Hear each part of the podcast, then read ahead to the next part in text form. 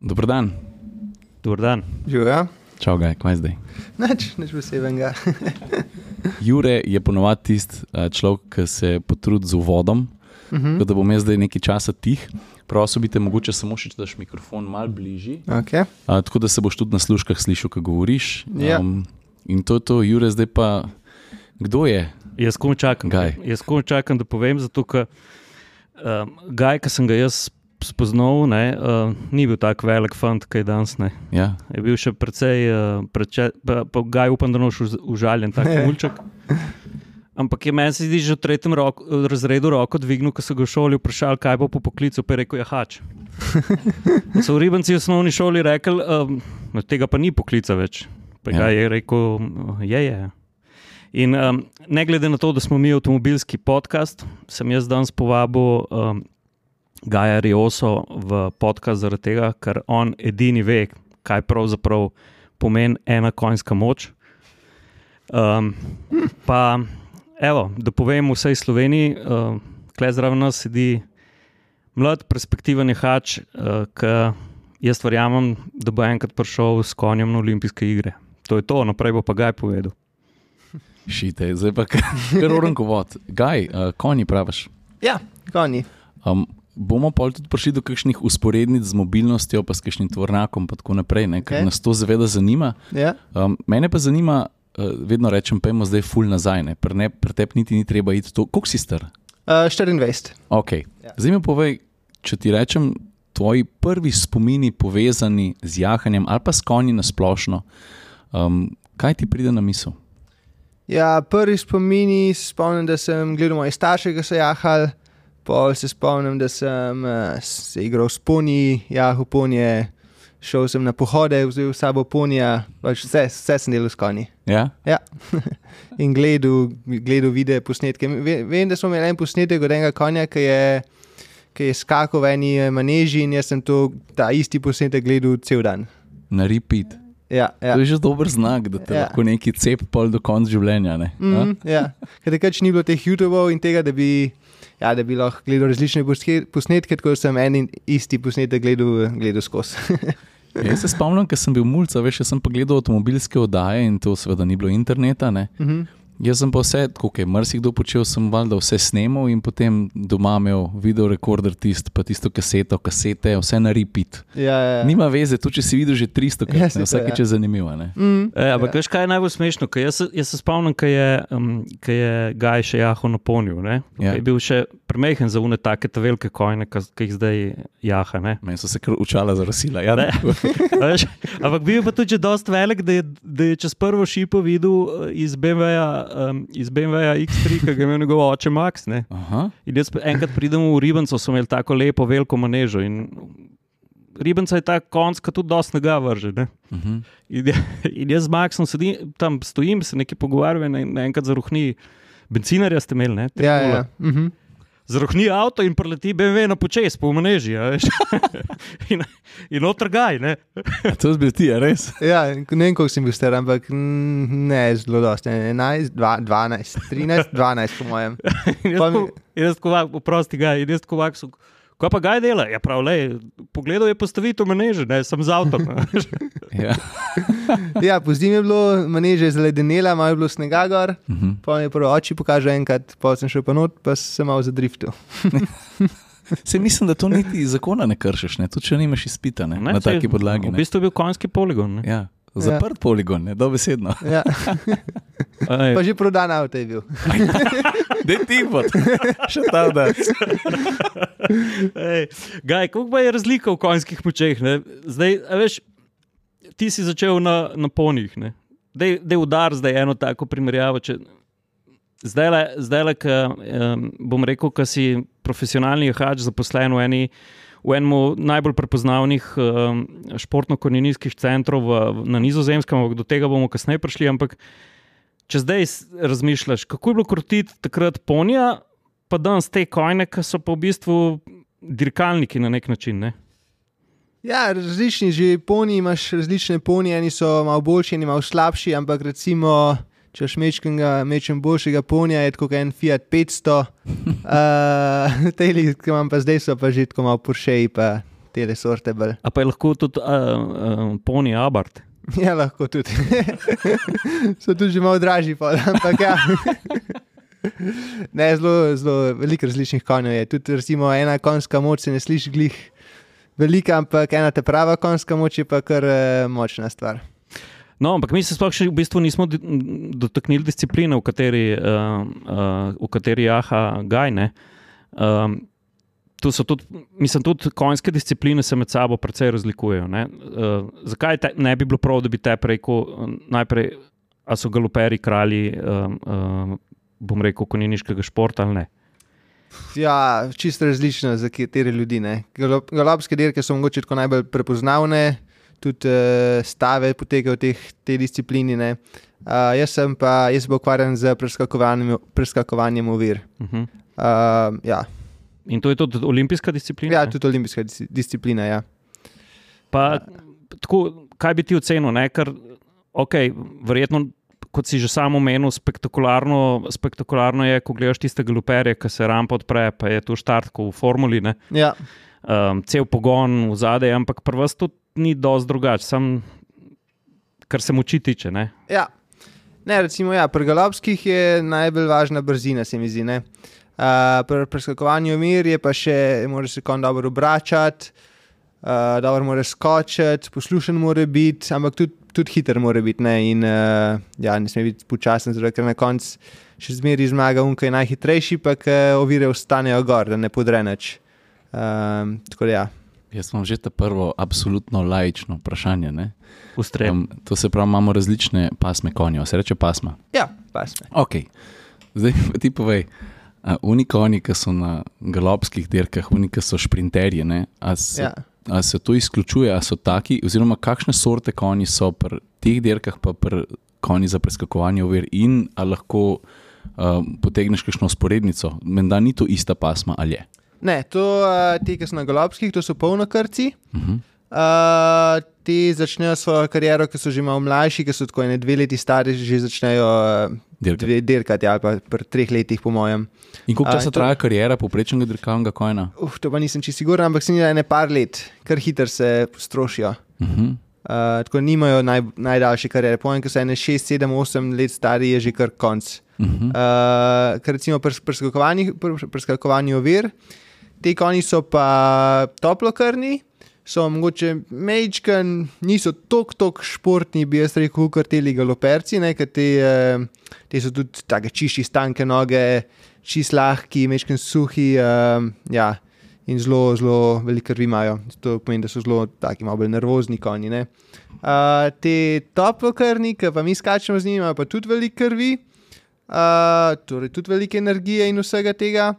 Uh, sam, uh, oni začnejo pa svojo kariero, ki so stari, tako kot so stari, ne štiri leta, jih začnejo že mečkati jahati. Uh -huh. uh, pol uh, začnejo tekmovati pri ne petih letih, in ki so stari ne devet let, bi jaz rekel, so pa že tako začnejo ta, ta velik šport. Se pa njihov prime takrat pride na ja. mesto. Pol, pol pa tekmujejo vse do 16. leta. Recimo, če pogledaš, kje oni skačejo na olimpijskih igrah, so ponovadi povprečje, bi jaz rekel, 12 let so stari. Uh mhm. -huh.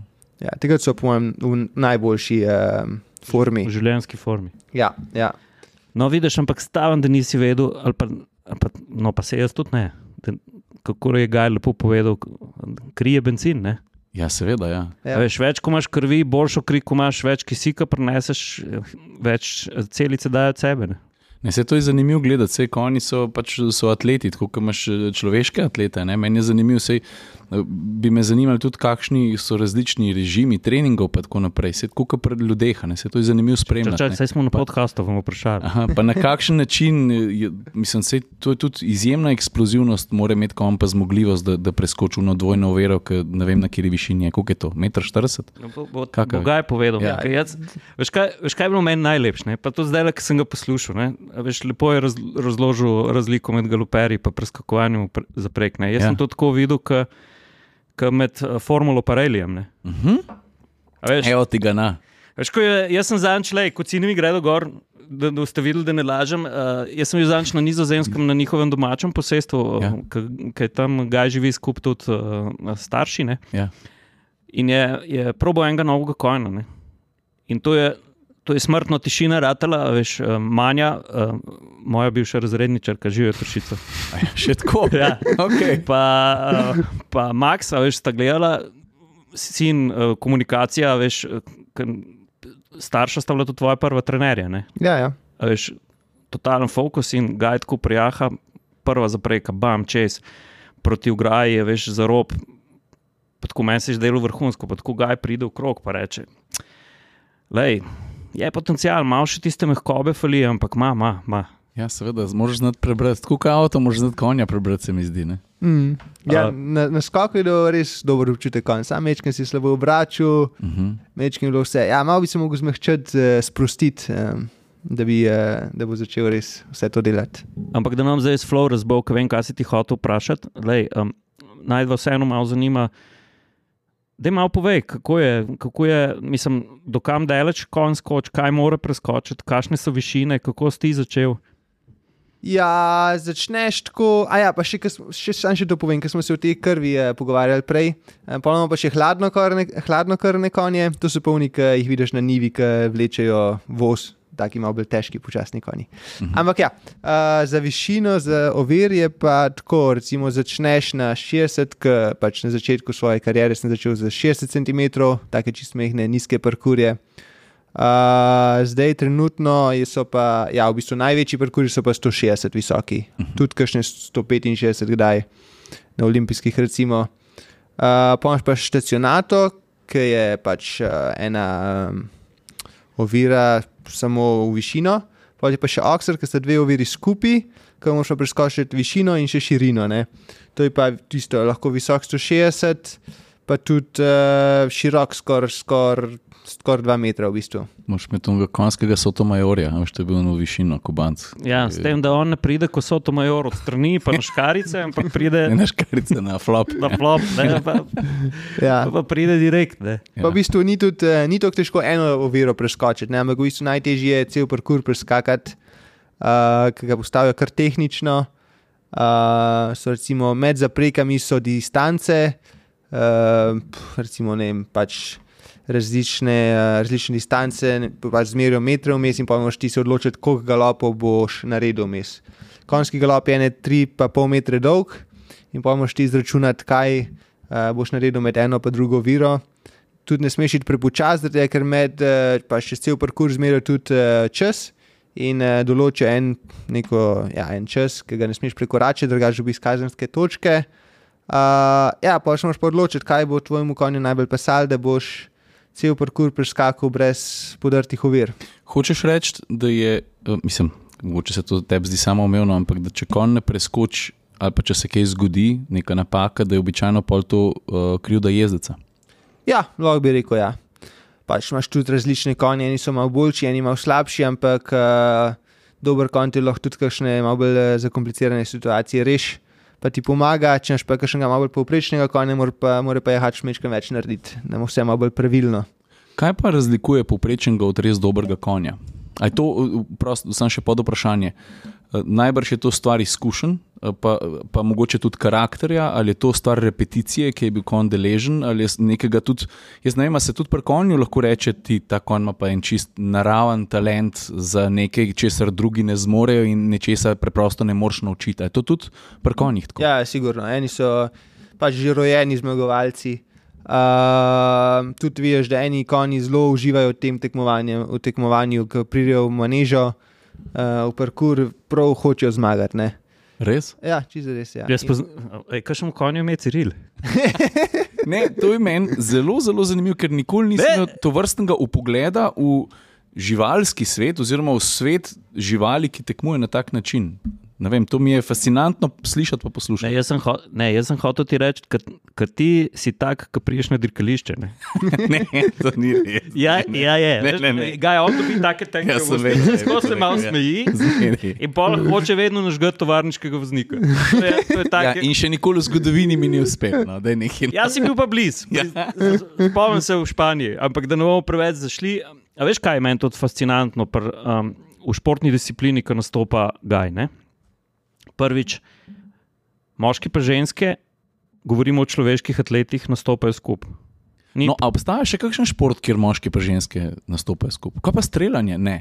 Mm, mislim, Mislim, da da ne. ne. Sorry, se mogoče to. Ne, jaz se ga ne spomnim. Ja, jaz se ga ne spomnim, pa sem včasih tudi šport pokrival in meni je bilo to ena najbolj fascinantnih st- stvari.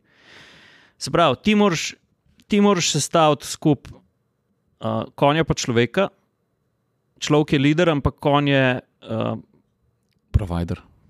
pr provider. pa bom Rezultata. Rekel, ne, ampak bom rekel, lej, dirkalnik nima karakterja, ne, značaja. Seveda ga ima. Mislim, O, pa Jure, zdaj čakaj. ne, ne, ne, ne, ne. Zdajle bom pa Čakaj, jaz čakaj, čakaj, drugače ti hočem povedati. Uh, Ker da, dobro ima, razmisli. da ima dirkalnik slab dan, ne, Ja. je velik kriv šofer ali Ja, pa inženir. Ekipa, pa nastavitve, pa tako. Se strinjam, ampak to je pa živa stvar in dve žive stvari uskladiti, ti- vse najbrž a- malo drugače. Zato, da, boš, zato da, da se ne bo čudno slišalo, ampak ga ti preden greš v manežo, se dobiš z inženirjem, pa kupita nastavta. Ne, ne. Ne. Za skozi iste. Ne? Ja. A Veš, hočem ti reči, klej imaš značaj hača, tukaj imaš značaj konja. Ka, kar je pa mogoče zanimivo, če tekmujemo na travi, damo štole noter v uh, podkvice. Kaj so štole? To so pa ene take železne, uh, tako kot recimo fusbaleri. Ramprce v bistvu, Ja, dodatne. zato da jim ne drsi. Ne? In to prišrafaš noter v podkve na vsako stran eno. Uh, ja, in pol se moraš pa odločiti, kakšne štole boš že not, da ne bojo previso, prevelike, no, ker pač moraš se pogrezati v travo, da ne daš narobnih pritiskov na nogo od konja. Ampak ne smejo biti pa tudi premehne, ne, drugače jim bo drsel. Če držuje ali pa odvisno od vremena, kakšne daš noter. Ne. Wow, Ker smo bili v tem. to pa nisem vedel.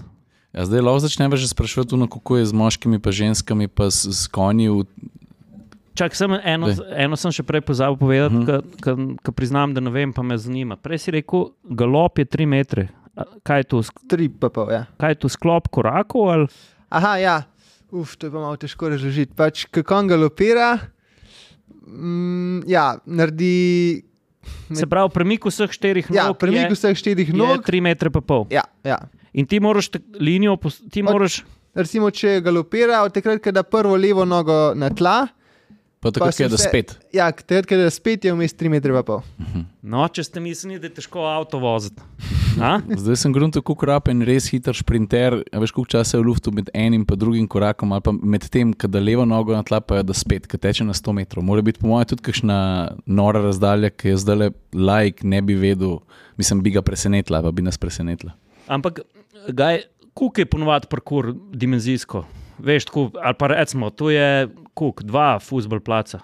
Ne, Ne, Ne, ne, ne. ne. manjši, manjši. pol ja, tako. placa. Pa recimo, kaj bi jaz rekel, bo prejšel ene 60, ne, a, ene 60 metrov širok, pa ene 80 metrov dolg. Aha, No, in tam ti postavijo zapreke. Ja. Ja. Mhm. In unka te zapreke postavi, ki tekmo postavi, tako kot na smučanju smučanju, ja, ja. Ja. Kole, Ja, ima zelo pomembno nalogo. Pač. Ima zelo pomembno nalogo. Mm. In pogreš pa ti peš not, pa si izračunaš te galope. Ja, jaz grem peš not, vidim, kje bom jahal točno. Konda, ja, noter imamo ene 12 ovir, vmes je tudi troškok, pa dvoškok, ker troškok so pač tri ovire zaporedoma, vmes nariš en ali pa dva galopa. Um, in pol moraš ti prekorakati vse te linije, ovinke. Uh, včasih greš lahko, včasih lahko skrajšaš kakšen ovink, če hočeš biti malo hitrejši. Včasih greš lahko mečke bolj na zihar, pa greš malo bolj počasi, malo bolj okol, da prideš naravnost zapreko. Uh, ja, pa moraš pa vmes pač prekorakati distance in se odločiti, kaj je najbolj za tvojega konja. Vsi konji nimajo izga, isto dolgega galopa. Eni imajo mečken krajši, eni mečken daljši, recimo en konj lahko naredi med eno in drugo oviro sedem galopov, medtem ko drug konj naredi osem galopov. Uh, lahko tudi isti konj naredi tudi 8 ali pa 7 ali pa celo 6 galopov. ne. To, je, to se moraš odločiti, pa odvisno, kako hiter hočeš biti, pa koliko hočeš riskirati. E, a je še kakšna fora, eh, ko si prej povedal za travo, a imaš tudi eh, pri pr, uh, uzdi, imaš kakšen bolj športen volan, pa imaš športen Ja, volan, kdaj ja. kaj bolj zategneš. Ja, za, za uzde to imam pa jaz zelo veliko teh različnih živali in ust. In vsa, včasih kakšne živali izgledajo tako mogoče nekaj bolj ostre, ampak to je vse odvisno od jahača, kako, kako on jaha. ne. Uh, jaz imam zelo veliko različnih ust in uh, veliko različne opreme, tako da pravimo najti za vsakega konja tisto opremo, ki mu najbolj paše. Se pravi, še to, da razložimo, uzda je to, kar Ja, to, kar je, ja, to, kar je na glavi, pol vaj, tisto, to, kar imaš v rokah, živale pa tisto, kar ima v ustih konj. Mhm. Brzda. Um, rad bi se osredotočil na, um, na tisto, kar si ti rekel, ker če se res recimo nisem vedel do prej, le, ravno preden si ti prišel, Jure, rekel, da je to eden redkih, če ne edini šport, kjer moški in ženske tekmujete v isti konkurenci. Uh -huh. A, Pa me zanima, pa s tem nočem reči, da je nekdo boljši ali pa slabši, ampak obstajajo razlike, take, ki jih lahko pinpointaš, da rečeš. Ne vem, mogoče pa je ženski spol pri nekaterih stvarih pri dirkanju s konji boljši zaradi nečesa, in moški. Mm. A veš, a obstaja sploh kakšna koli razlika, ali ne moš nobene definicije narediti, diferencijacije med spoloma? Recimo. Ja, med spoloma bi jaz bolj težko naredil glih razliko, ampak lahko pa narediš razliko v, v teži in velikosti jahača. Recimo, če en moški, ki ima 85-90 kg, kar je že kar velik eh, jaha, ali pa če ena ženska, ki ima 60 kg jaha, je teh 30 kg razlike ne? in to zihar, zihar pomaga, pomeni nekaj. Ja. Uh -huh. Uh, drugač pa tudi odvisno od konja. Nekšni konji so mečken večji, malo bolj močni, nekšni so mečken manjši. Uh, in pa moraš ti uskladiti pač najboljšo kombinacijo med jahačem in konjem. Ne? Se to je tako kot pri plesu, ne? tudi vsak plesalec ali pa v bistvu pri kateri koli stvari, ne moraš najti pravega partnerja, se mi zdi. Um, a gre pa tudi tukaj, kot pri plesu, ali pa kje, kako se ujame tvoj karakter, tvoje znanje, izkušnje s konjem in obratno. Ne? A, veš, a si najdu konja, ki si rekel, posluš, v tega konja sem vložil toliko pa toliko časa, jaz mislim, da se z njim ne zmorem razumeti, ali pa mislim, da bi moral najti nek drug način, pa veš, kako gre, kako gre tukaj. No?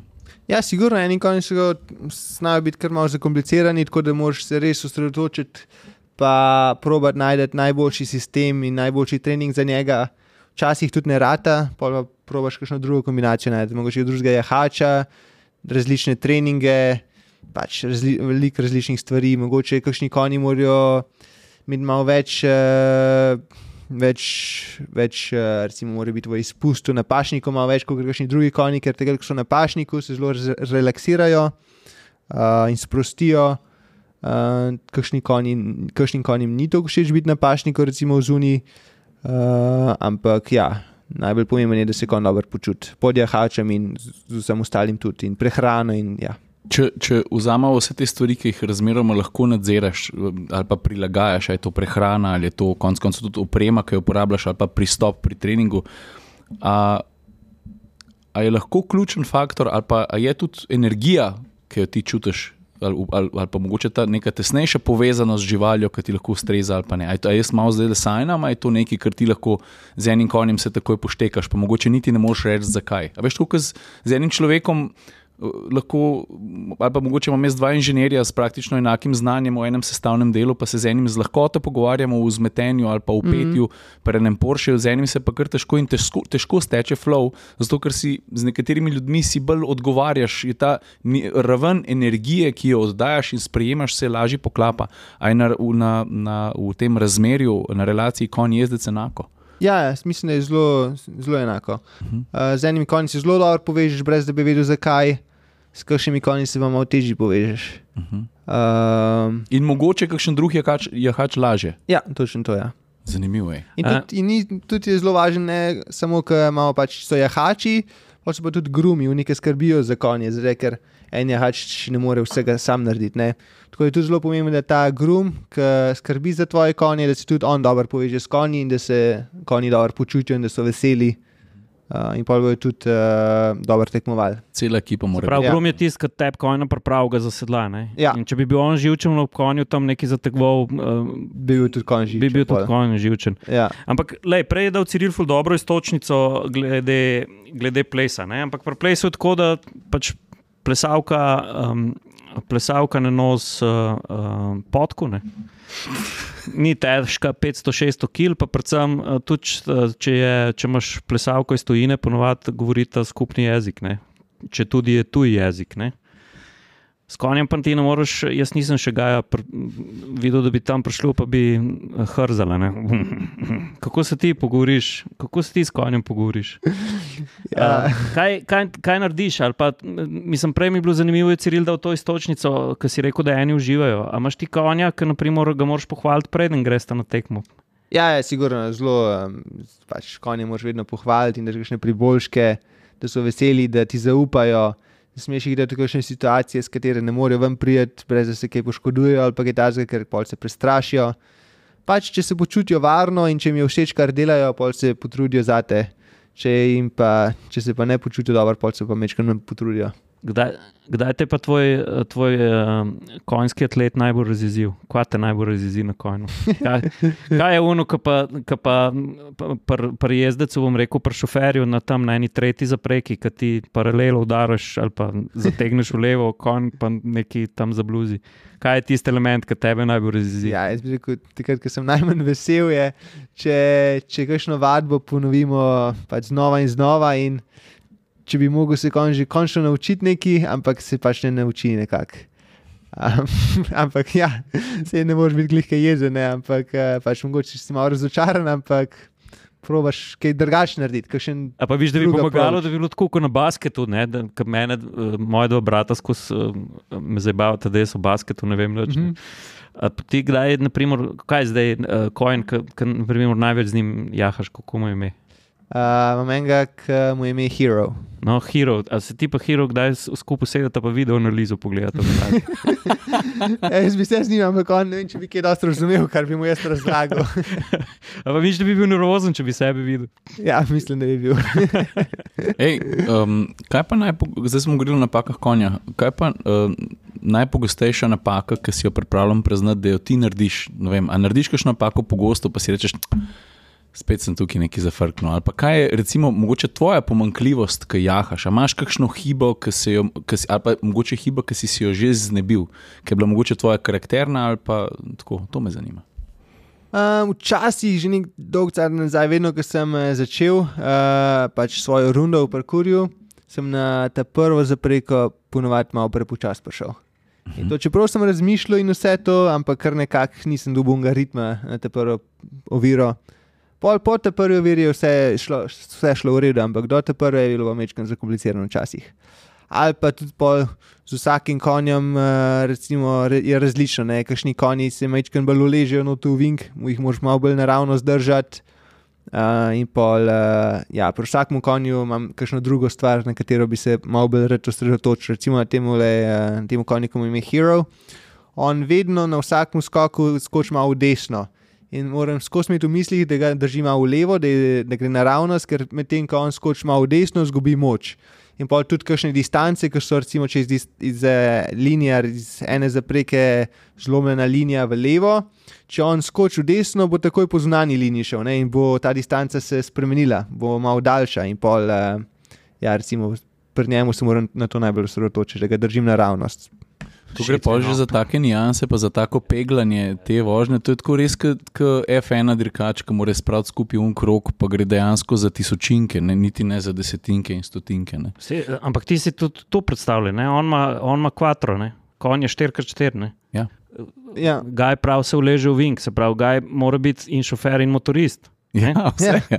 Ja. Tudi, recimo, po mojem, zato vidi, da on v desno skoči, ker je le, njegova zadnja leva noga mečkam bolj močna kot zadnja desna in kapurine, purine bolj z levo nogo in zato ga v desno nese. Shit. Zdaj, ko sem že jih motošport umenil, zdaj le mi grede na nizozemskem F1, uh, derka se odvija. Um, uh, ti, ne vem, niti razloži, kako je sestavljena sezona, ali gre za, za neko serijo eventov, ali ti skozi sezono um, jahaš vedno istega konja ali ti konje meniš, kako je to? A veš, a si ti tako, kot bom rekel, profesionalni dirkač in eno sezono odfuraš z enim konjem. Kakšna je situacija?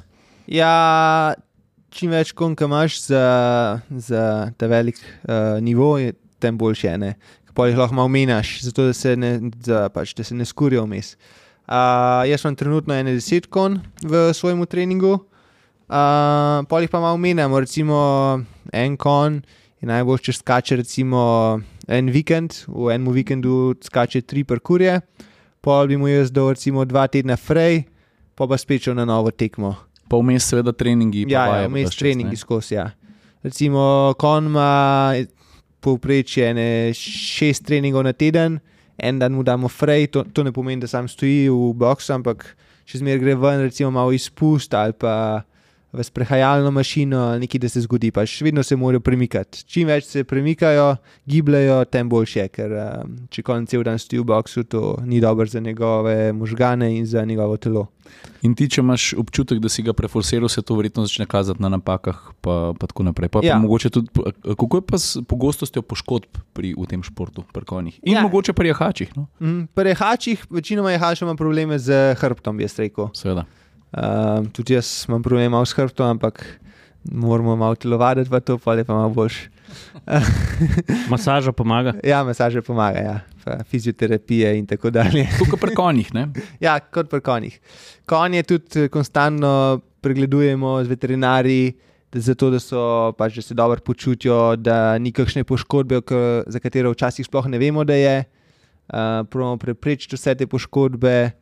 Uh, zato pa tudi ne smemo prepogosto skakati, ker vsakič, ko se oni, eh, ko oni skočijo, uh, preletijo s kar veliko težo na tlane uh, in, uh, in pol poškodbe ratejo, če prepogosto skačijo, bi rekel. Eni konji lahko malo več, malo več pritiska vzamejo, eni malo manj, ampak ja, moramo biti zelo previdni z vsem. Ampak.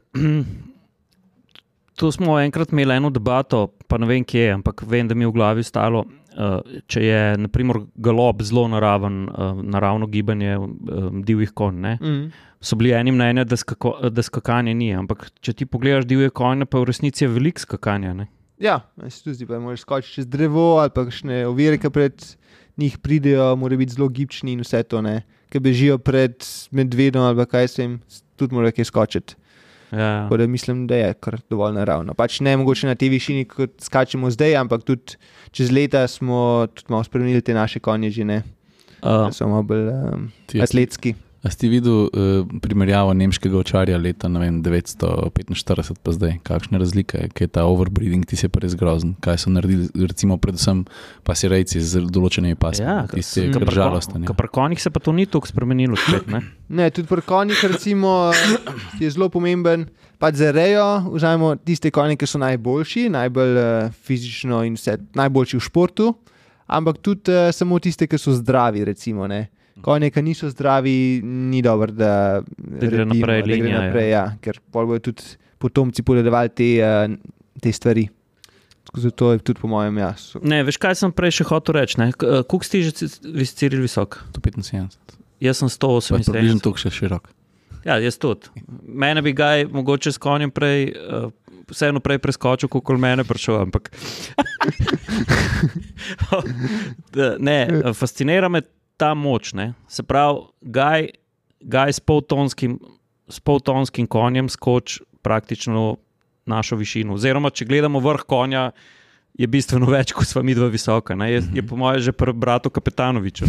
ja, bi rekel. Ja. Ampak, gaj, da je upiš malo to moč. Je, je, mene je to vedno fasciniralo, ker sem nekajkrat lahko, ker sem spremljal uh, uh, kot športni novinar ta, ta, ta šport. Uh, ker sem bil res v, bli, v blizu, med, med uverami, tudi s fotoaparatom v, v parkurju. Ne. Ampak to je res silovito, ne. ko se ta kon odrine z jahačem skupaj. Kako, kako pa ti to občutiš? A, a znaš to opisati? Mislim, jaz sem si to vedno tako predstavljal, da bi, da bi launch control odpel. Ne.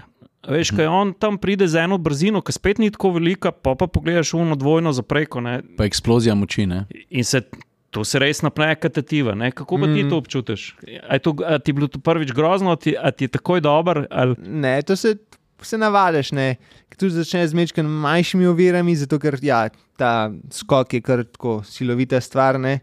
In moraš, uh, moraš imeti dober, uh, pač v dobri poziciji, moraš biti na konju, da čim bolj absorbiraš to moč. Uh, in, ampak če pa, če pa res porinejo, pa je pa zelo dober občutek pač tudi en, različno konji porinejo pred skokom. Eni, eni zelo skočijo, ene moš mečkam bolj spodbuditi, moš malo bolj pomagati, ampak kun, ki res skoči, to je zelo, zelo, zelo dober občutek. A je, je v ja, feeling ja. na ja. power. Ker launch controlu nisem na GTR, veš. Ja. ja. Na podvozi od, od, od Dakarskega kamiona. Malte, mali občutek ugodja, masi vesel, masi res, mora biti fajn kar nikoli ne bom vedel. Ampak kako je. Ja, Zdaj, ko smo ga konja probavali, je imel res, res dober občutek na skoku. Ja. Zato ga tudi smo ga obdržali. Kaj je tudi poletel tam proti Ratam, sem jaz mislim, proti robu parkurja, tam, kjer je ograje. Ja. Tam, tam kjer ni izletne cone več. Ampak ga je tu ne vem, kaj je naredil, ampak tako, vse je šlo zelo na smut. Čeprav ja. meni se je zdelo zelo. Bom rekel, um, ne robustno, ampak dramatično. Ja, Oni imajo dober ABS. Do, dober ABS, ampak kljub temu pa ta vrh, ki dosežeš, ne, pa pol, ki čez grivo dol pogledaš, ki je tudi kar nekaj potišeno zdol. Mm. Kaj pa te paci, gaj? Paci, ja, to se skozi dogaja, mislim, uh, ne moreš kaj dosti narediti. Imamo vedno čelado gor. Uh, želvo. Ščitimo, ja, tudi želvo, eni jo imajo, eni nimajo. Pa imamo tudi zdaj airbag, ki se prpneš na sedlo in pol, če padeš dol. Uh, po motorjih. Pol. Ja. Pol, uh, A pa tu imaš prav na tekmi lahko? Ja, je, je dovoljen. Tudi, uh, jaz trenutno še nimam, ampak po mojem bom tudi si mogel kupiti. Uh, ja, drugače pa paci uh, so tudi kar velik poškodbe. Uh, jaz, tega se najbolj polomil, je bilo, ker sem imel enega novega konja in uh, zgleda, da ta energija med nami ni bila še najboljša, uh, ker sem se usedel gor in se nekaj se ustrašil, mogoče mene, mogoče kaj drugega in je začel malo prehitriti. Pol pa v bistvu, ja, vihar, to je to na vrh hrbta, tem, kar sedlo pride je bil kar nizek, tako da se je moj, moje sedlo na uvinku zavrtel. Uh, ja, in pol sem dol padel, in pol se je konc spet mene ustrašil, in je mi skočil na hrbet, in sem si zlomil pet uh, rebr. Kar je pa kar uh, bolelo. Prav skočil na tebe. Ja, medtem, ko sem jaz pod njega padel na ovinku in on je prav stranit od mene in ne vem, nekako se zapletli v glavu. To je splet okoliščin, ki se zgodi padec ali pa neka stvar, ki niti ne moreš razložiti, kako se je to zgodilo. Veš, kaj še na avto, ki se zaleti. Se pravi, verjetno zadnjo levo ali pa zadnjo desno od tvojih rebr, od Drinu. Ja, ja, od Drinu se je v bistvu od mene. Jaz sem bil na tleh, on se je pa od mene Drinu, ki je hotel stran. Zbežati, da bi bilo ti roko pod, pod Nissan, GTR ali pa športni avto, pa bi jim launch control naredil. Skaj je bolj, bolj zanimivo ti, to, ne, da uh, pri vseh motošportih pa takih zadevah imaš, uh, imaš varnostno kletko. Ne. Ja. Mm. Klej si pa precej na MotoGP varianti. ja. to, to se ni niti zgodilo med skakanjem, ne, to je bilo samo eh, med ja, normalnim vsakodnevnim ja, med... treningom. Amate, mogoče imate kakšnega upravka s kakšnimi eh, borci ali pa zagrizenimi predstavniki organizacij, društv za zaščito živali? Ja, imamo, vedno več se mi zdi. Ja? Ja, uh, Kakšni so pa njihovi argumenti? Ja, oni, reči, da ni, oni pravijo, da to ni, normal, uh, to ni naravno ne, in da mi uh, pač. Uh, Ja, da so konji prisiljeni v preskakovanju ovir. Uh mhm. -huh. Ampak uh, jaz bi rekel, da veliko konj, večinoma konj uživa v tem, In to ni samo, da jih mi vzamemo in skačemo z njimi. To je cel dan se ukvarjamo s temi konji, jih masiramo, jim so potrebno nego damo, dobro prehrano, uh, poskrbimo pa, da se dobro počutijo ne? in da imajo veliko uh, velik, uh, free time.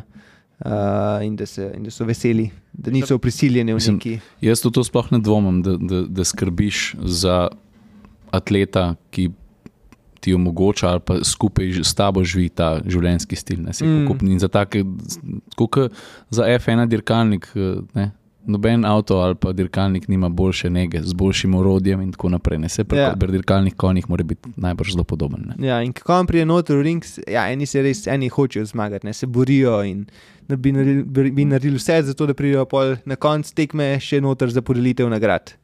Ker pa v tem stojijo ponosno in so prav veseli. Začutiš zadovoljstvo v živali tudi ja, na način. Ja. Si lastnik psa tudi ve, točno ve, kdaj je. Uh, jaz vem, kdaj je gizmo vesel. Pa kdaj bi najraje popisal? Ful mi je zanimivo, pa, pa mislim, te absolutno verjamem, zato ker ti res si zrastel, da ne rečem na konju, ampak s konji. Mm. In tudi mogoče je prav, da povem, da je tudi njihov um, družinski odnos do vseh živali. Ne?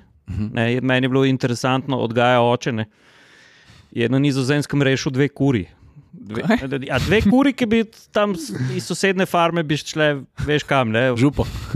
Župo, kakšno salamco, pač nekam, nekam, ne? se, se zatekle k njim na posestvo, v zelo bom rekel, v zelo slabem stanju so bile, ne? ker se veš, kakšna je zelo intenzivna eh, pridelava jajc in tako naprej. Ja. Pa da ne bomo zapletali. Ampak Max, pa Manja, pa, pa, pa Gaj so te putke rešili. In v času mojega obiska sta z, z mojim sinom, pa tudi jaz sem malo pomagal, naredila najlepši kurnik, kar sem jih jaz videl. Te, te pravo vilo. To pravo vilo, ampak to z vso skrbnostjo. In te, in te dve kuri imata tam privilegij, da po posestvu uh, Riosa in Questren team hodijo po, po košeni travi, nobenih nikamor ne preganja. Čeprav je trava zelo nagovana ne? in spet pridno nosijo jajčka in uh, živijo v To je life, stari, ti dosta loterijo za Ne, delati, ne. kure, stari. Ampak prav res loterija. Uno, Ampak, escape from Alcatraz. ne, a veš, ka- ka- ka- ka- ka- Ko ne bi pričakoval, glih nek- nekdo, ki se res, Ja, ja. ki se res ukvarja z, z, z, z živaljo, ki je res impozantna. Ne, Saj tudi, ne vem, tu bom, ali pa če te zdaj vprašam, gaj, zakaj kon. Ne? Vsa ta eleganca, a te, kako, pa, kako, kako ti gledaš na konje, tudi to v bistvu živalsko lepoto njihovo. No, Ja, mislim, glih, ne, so zelo lepi, ampak jaz jih gledam kot ene prijatelje. Ne. no vidiš, to, Ja. to je to. Ne? Pa meni se zdi, da če konju um, pogledaš v oči, da je kar neki globine tam. Ne. Ker vso- Sorry, ne, une dve putke, ampak če kuri pogledaš v oči, ni, ne, ne vidiš, da je ne. Ni tako, no. Ko konja se pa kar malo zagledaš, pa si misliš, stari. Kaj razmišljajo? Pa pa- ti zelo misliš, a se me spomniš od zadnjič? Ej, kakšen spomin imajo konji? A to vemo.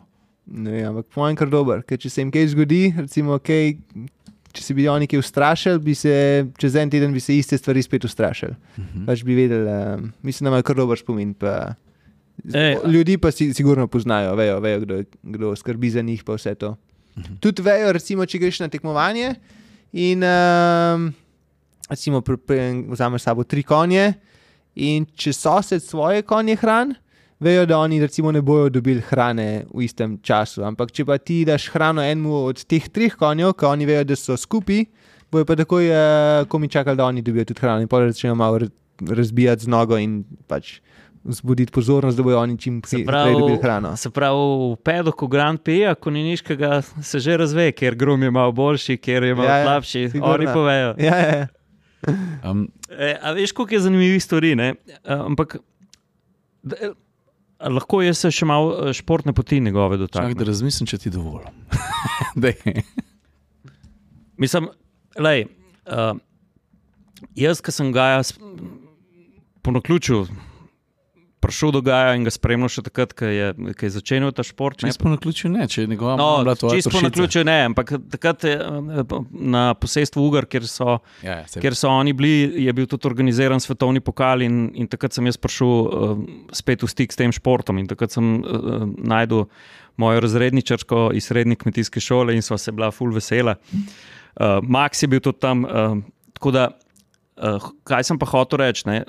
Ti si zelo mlad šel. ne. Tvoja, tvoja, bom rekel, konjeniška zgodba je predvsem precej podobna Dončičevi, ne? košarkaški. Ne? Kuk si bil ti star, ki si, uh, ki si šel v tujino? Ne? Ne, ne, 15-16 sem bil star, ker sem se preselil v Nemčijo. Da si šel trenirati Ja, in si se lotil trenirat- družine. Ja, trenirati in pač delati vse skupaj.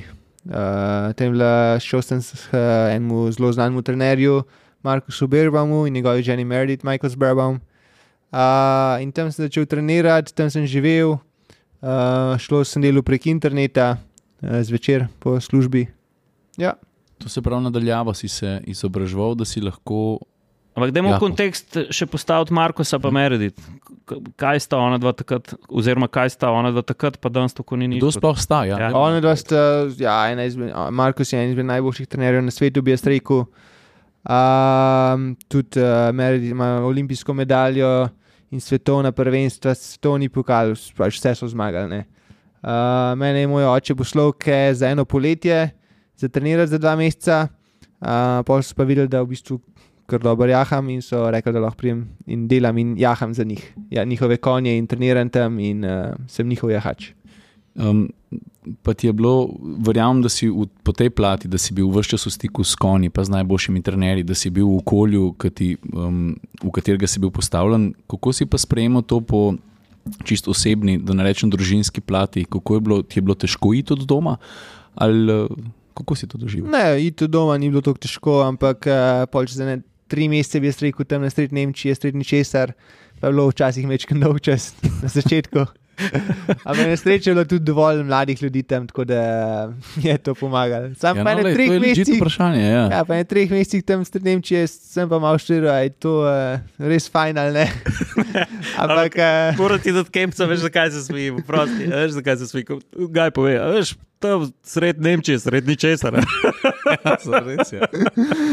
ja, vse je bilo tam, uh, travniki okoli. Od um, moja Eva, mahčerko, Taja Vite, je ime, stara je 12 let in je na smrt zaljubljena v konje. In tudi se mi zdi, da več kot pol življenja se z njimi že ukvarja, trenira, jaha in je zelo pridna in ji to predstavlja en velik del njenega sveta, um, zelo se trudi, um, seveda tudi skače. In uh, me zanima, kaj je en nasvet, ki bi ga ti dal mlademu jahaču oziroma jahačici, ki misliš, da bi naredil neko razliko. A je to nekaj povezano z ustrajnostjo ali, ne vem, Ali kaj, odhodom, ali- kaj bi ti svetoval mladim jahačem? No? Ja, sigurno moraš biti čim bolj ustrajen, čim več časa moraš preživeti s konji, ne samo prijeti pa jih jahati tisto eno uro ali pol ure, pa iti pol nazaj domov, ampak čim več časa preživeti s konji, gledati na internetu posnetke dobrih jahačev, kako oni uh, jahajo, kako grejejo in vse te stvari. Ja, pa se mi zdi, najbolj pomembno je čim več časa preživeti s konji, pa skrbeti za njih in uh, jih provat nekako razumeti. Vedeti, kaj oni delajo, kako se počutijo, kaj razmišljajo, uh, vse te podrobnosti. In se tudi čim bolj probati izobraževati. Tako kot si rekel, čim več, več informacij dobiš, več veljaš, ne? več znaš, več Mm. veljaš. Ne? Zato tudi internet, kako je to krasen pripomoček. Ne? Kaj Ja. se lahko zveš, imaš na dosegu prstnih blazinsk, včasih si moral pa ne. Mogoče na drug konc sveta, Mm. pa veliko več denarja, tudi da, da si dobil neke mogoče čisto osnovne informacije. Ne? Ja. Tudi, recimo, veliko se naučiš, ne samo, če trener, trener tebe trenira, ampak če gledaš ostale treninge, kaj drugim uh, jahačem rečejo trenerji. To so ne. na svetu. Ja. Mm. No, ampak, a veš, prej, ko sem omenil, uh, da sta si zgodba tvoje pa od Lukata precej podobna. Ne? On je šel v, zgod, v zgodnih letih V Madrid, v ja. Madrid. Ti si šel najboljši, praktično najboljši, eden izmed najboljših konjeniških centrov uh, v Evropi, če ne rečem na svetu, glede na to, kar si povedal. Ja. Kaj se je pa tam zgodilo? Ti si prišel tja iz, iz, iz Slovenije, iz Ribence. Kaj pa ta, kaj pa ta lifestyle? Um, tam verjetno so bili takoj vrhunski pogoji, uh, kako ste potovali na tekme. Ja. Kaj je bilo drugače? ja, mislim, uh, vse je bilo mečko na, mečko na višjem nivoju. Ne? Uh, na srečo sem imel že kar veliko znanja od prej, ampak s tem trenerjem uh, in s tem treningom in vsem tem smo pa še vse pač mečko izboljšali.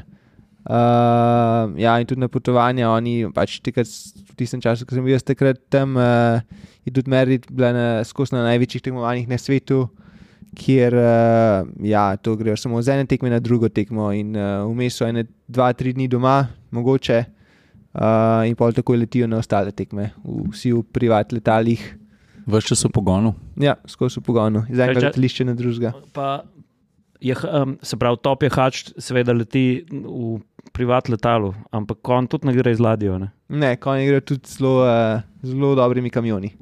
Aha, kaj pa če treba kontinent zamenjati? Pa? Pa tudi letijo. Ja, tu jih pa naložijo v uh, take kontejnerje, uh, oziroma na neke zabojnike. V en uh, zabojnik grejo tri konji, uh, ki imajo vmes take pregrade, da se slučajno še ne brcne, še ne drugega. In pol jih dvignejo, dajo na, kamion, uh, na, na avion, uh, vmes med letom jih skozi kontrolirajo, dajo hrano, vodo, preverijo, če se dobro počutijo, da, da, kaš, da, se kaš, ja, pač, da so vsi v redu. Vsake, mislim, da vsako uro grejo dol jih pogledati. Jaz ljubim ta podcast, do zdaj si nisem predstavljal nikoli v življenju konja na avionu.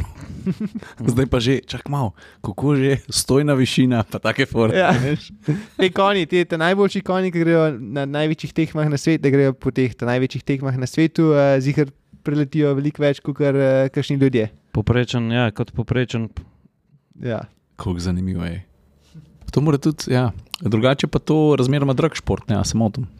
Ja, je, Mislim, drag. konji so dragi, tako kot so dragi dirkalniki, pa najbrž vzdrževanje tudi ne. Ja, recimo, pač, če si urejen kakšni mečkem bolj uh, bogati družini, je mogoče mečkem lažji, ker ti lahko kupijo mečkem boljše konje in vse to.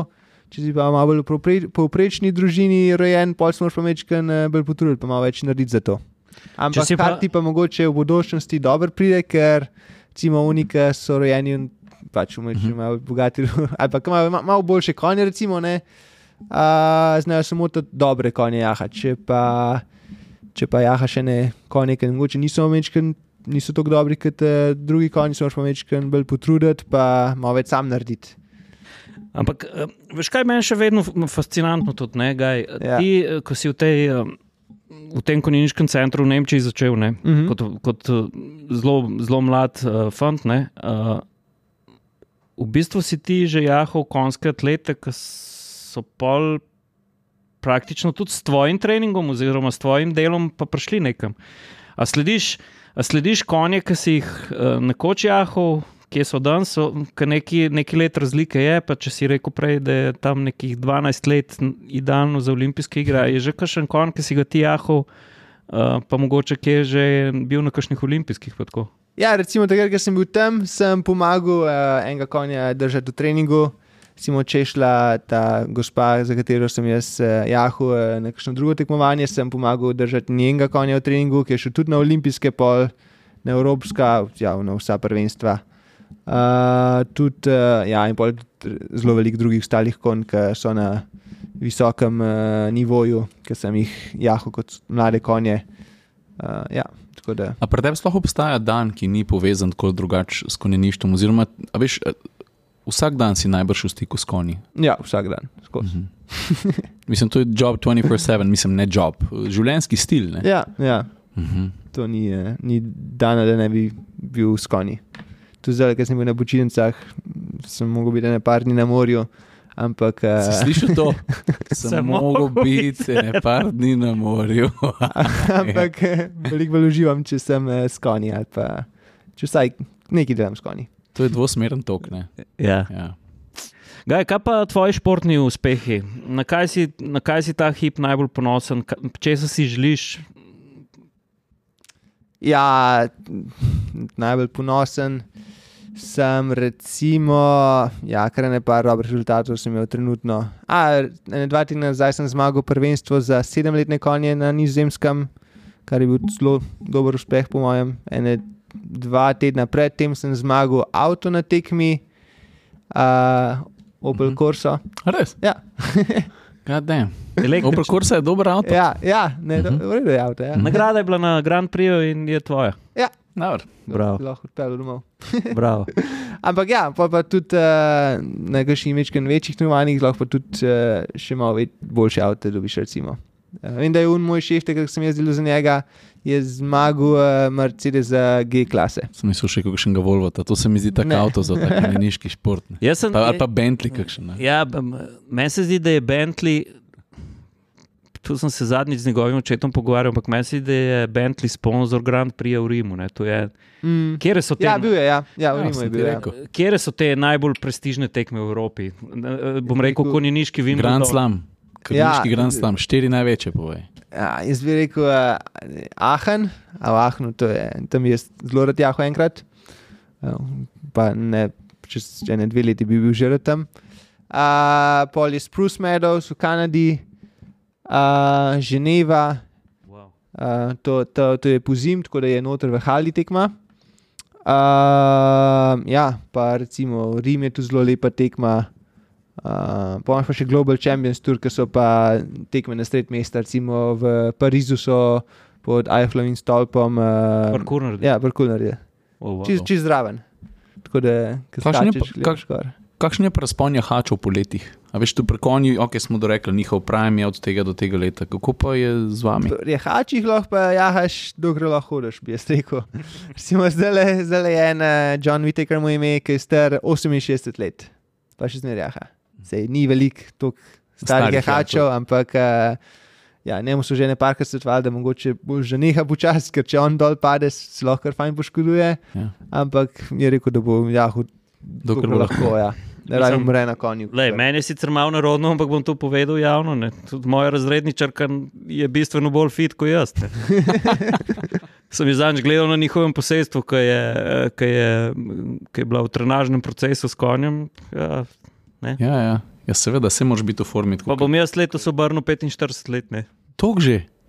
Stari. ej. Ja, sta. A nismo bili včeraj 40 praznovali? Ja. Ki si dubo očko. Dej, ne, ne, ne, ne me zdaj zamoriti, ker imamo dober. Lej, Brez mačete. brez mačete. Brez mačete. Brez mačete. Ja, zelo dolgo lahko tekmuješ. Tudi ta John, on je čeprav je 68, je še zmeraj en izmed najboljših igračev na svetu. Um, pač ima tudi največ znanja, bi jaz rekel. Ne? V teh 68 letih je že kar velik uh, konjev zamenil in se naučil. Ej, kaj, pa, kaj pa vzorniki? Tvoja, tvoja starša v konjeništvu, sploh tudi slovenskem, pa tudi v mednarodnem, tudi nekaj pomeni. a Ne, pač vaše, tu mogoče sem prej hotel reči, ker si rekel, malo bogatejše družine, pa malo manj bogate družine. Uh -huh. Drugače pa, če se v konjeniško družino uh, rodiš. Ne? Ker Ja. si se v konjeniško družino uh, rodil, vi ste pa iz, iz poprečnega konja znali tudi dobrega konja narediti, ker sta oče in mama bila pač obaja hača. ne. Ja. Um, kaj zdaj z vzorniki? Je prvi vzornik fotor ali kdo drug? ja. Zdaj bo pa previdno. ne, zigar ste, ja, oba moja starša vzornika, uh, ampak pol pa, ja, pol pa zigar so tudi ostali, ne, uh, te, ki so trenutno v top športu. Uh, jih imam kar ene par, pol pa pravim vsa, od vsakega vzornika te najboljše stvari vzeti. Mhm. Ja, tako vsak ima svoj stil, vsak ima svoj uh, approach do konjev. Uh, in pravim, od vsakega te najboljše stvari vzeti. Kako pa prepoznaš stil jahača pri jahanju? Mislim, veš, jaz si, si mislim, da lahko vidim, kako en konj skoči drugače kot drug, pač vem, kako se odrina. ali pa kaj. Mm -hmm. Kako pa prepoznaš stil jahača v tem, kako agresivno pristopa ali k zavojem, ali kako, ne vem, kako to ločeš. Ja, pač gledaš je hača in pol vidiš, kako se on, eh, recimo, če se pred zabreko mečke naprej nagne, mečke nazaj, v kakšnem ravnotežju je, koliko je, kakšne roke ima, ima zelo občutljive roke, ali drži tiste vajeti primer, ali je zelo divji na konju.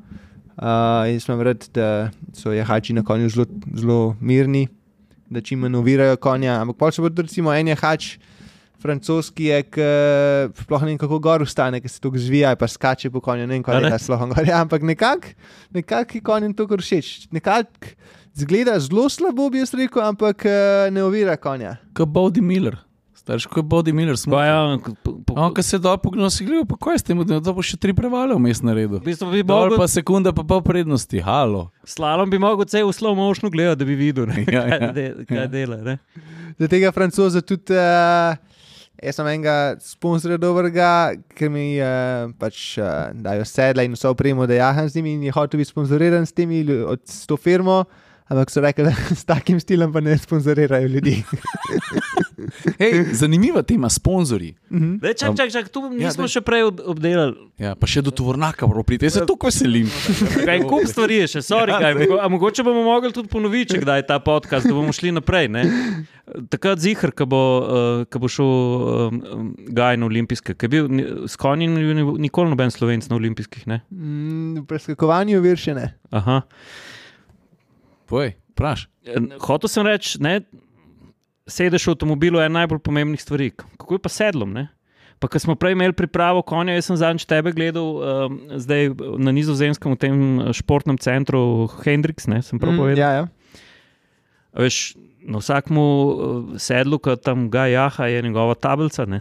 To ni prav na sedlu, je tablica, Gaj Riosa, veš, on je pol. eh, Njegov grum je prišel, ko sta se odločila, ker po razporedu, ker kon gre naprej. Mu je Gaj rekel, ne, to pod sedlnico. Dej.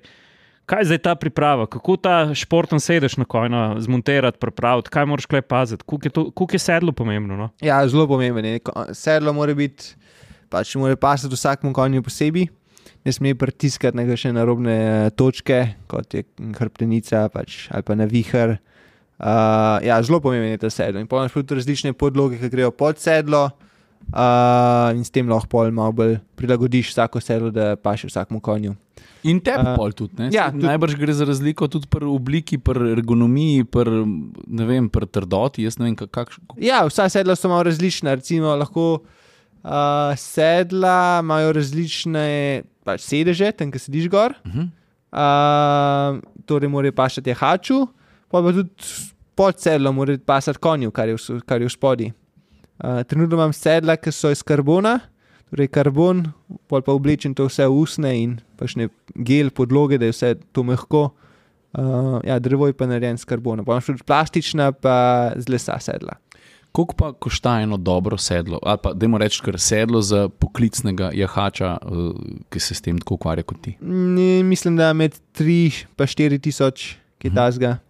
Pa, pa če smo že pri številkah, jaz sem prepričan, da se folk že dere v zaslone. Pa... Niste še vprašali, koliko stane dirkalnik? Ne, ne seveda, zanim, zanima me, koliko lahko stane dirkalnik. Ne? Ker sem prepričan, da med tistim izborom konjev, ki se ti, na tisti dirki pojavijo, da najbrž en stane, zdaj si bom zmislil, um, 100 jurjev, en pa 3 milijone, a si izmišljujem, ali so unita najdražji, namenjeni samo za razplot, ker so ne vem zakaj tako, ali so bivši dirki. Kako, kako sploh to gre, ta, ta rangiranje? Pa... Malo so že napako naredili zdaj v štartu, ko smo konju rekli dirkalnik. On ni dirkalnik, ja. ampak ja. je crew member, je, ja. je ekipa. Ne? No, kako je s temi cenami? Ja, recimo, konje lahko kupiš tudi za par tisoč, ne? nekje tam eh, na enem pašniku, pa upaš, da bo en dan eksplodiral. eksplodiral ja. uh mhm. -huh. Ampak pa recimo te konje, ki so pa, pa pa moš tudi delati ne par let, pa upaš, da čez par let bo nekaj iz njega. Pa veliko njega vložiti. Ja, veliko dela in uh, tudi veliko financ v njega vložiti, zato da bo nekam prelezel. Uh, ampak te konje, ki so pa v največjem športu, lahko pa, pač tudi stanejo milijone. Uh, dobri, čist različni. Eni so dražji, eni malo manj dragi, odvisno tudi od njihovega zdravja. Če je konj zelo zdrav, bo zihar dražji, kot rečem, je malo vprašljivo, če bo zdržal še par let za skakati. Uh, ampak ja, in od, izkušenj, kakšen, ki že skače olimpijske igre, pa ga pa hočejo eni ljudje kupiti, bo sigurno šlo ene par milijonov, bi rekel. To se pravi, govorimo recimo o o rangu olimpijskega atleta, konjskega je to od 5 do 10 milijonov, verjetno. Ja, mogoče od 2 do 10 milijonov, bi rekel. Od 2 do 10 milijonov. Odvisno spet, ali zmaga ali, ali je čisto zadnji na olimpijskih. Ne. Pa je pedigre pomemben, kdo je bil fotor, mama, uno, kako se pa na to gleda? Ja, recimo, na to se pa najbolj gleda, ker so konji še mladi.